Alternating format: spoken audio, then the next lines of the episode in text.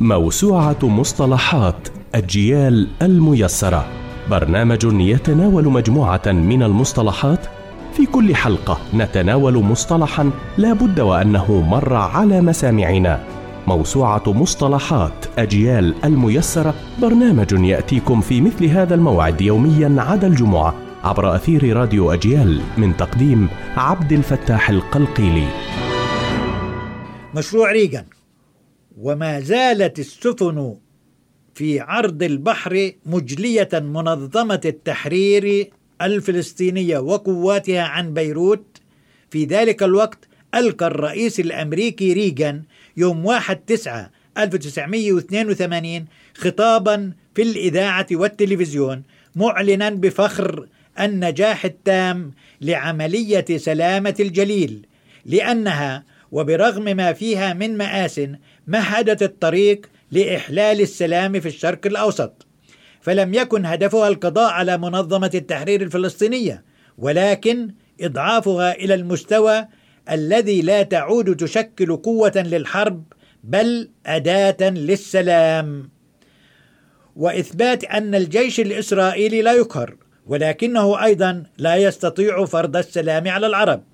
فجوهر عملية السلام هو التوفيق بين المطالب الأمنية المشروعة لإسرائيل والحقوق المشروعة للفلسطينيين.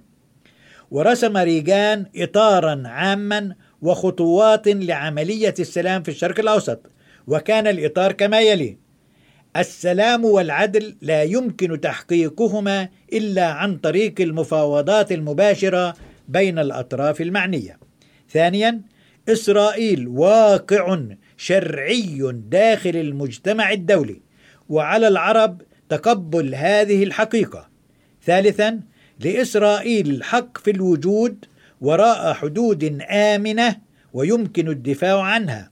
أربعة الأمن الذي تتطلع إليه إسرائيل يتحقق من خلال سلام حقيقي.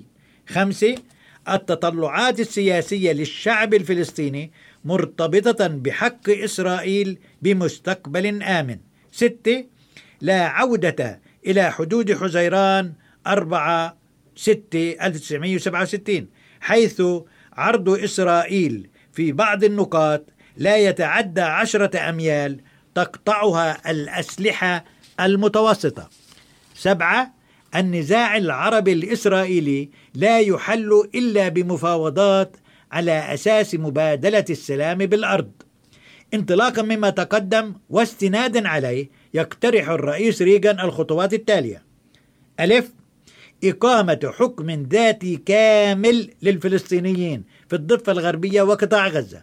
ويستمر هذا الحكم خمس سنوات تبدأ بعد انتخابات حرة لاختيار سلطة فلسطينية للحكم الذاتي.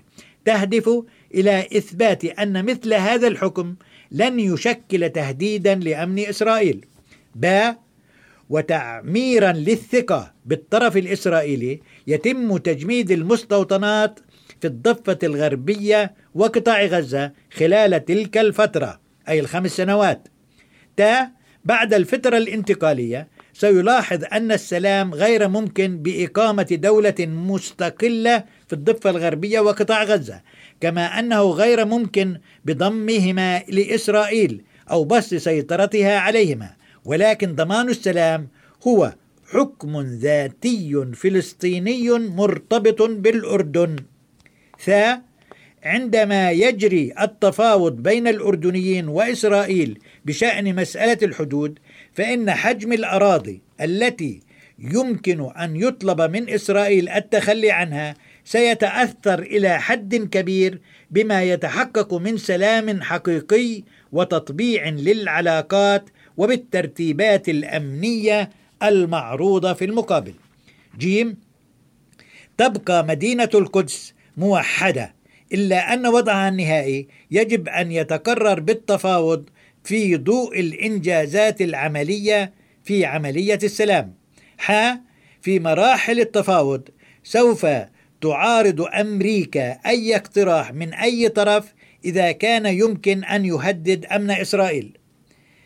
لم تعلق الدول العربية على المشروع وانتظرت مؤتمر القمة الثاني عشر في 9 9 82 لتكون قراراته الرد الجماعي غير المباشر على المشروع أما إسرائيل فقد رفضته مباشرة.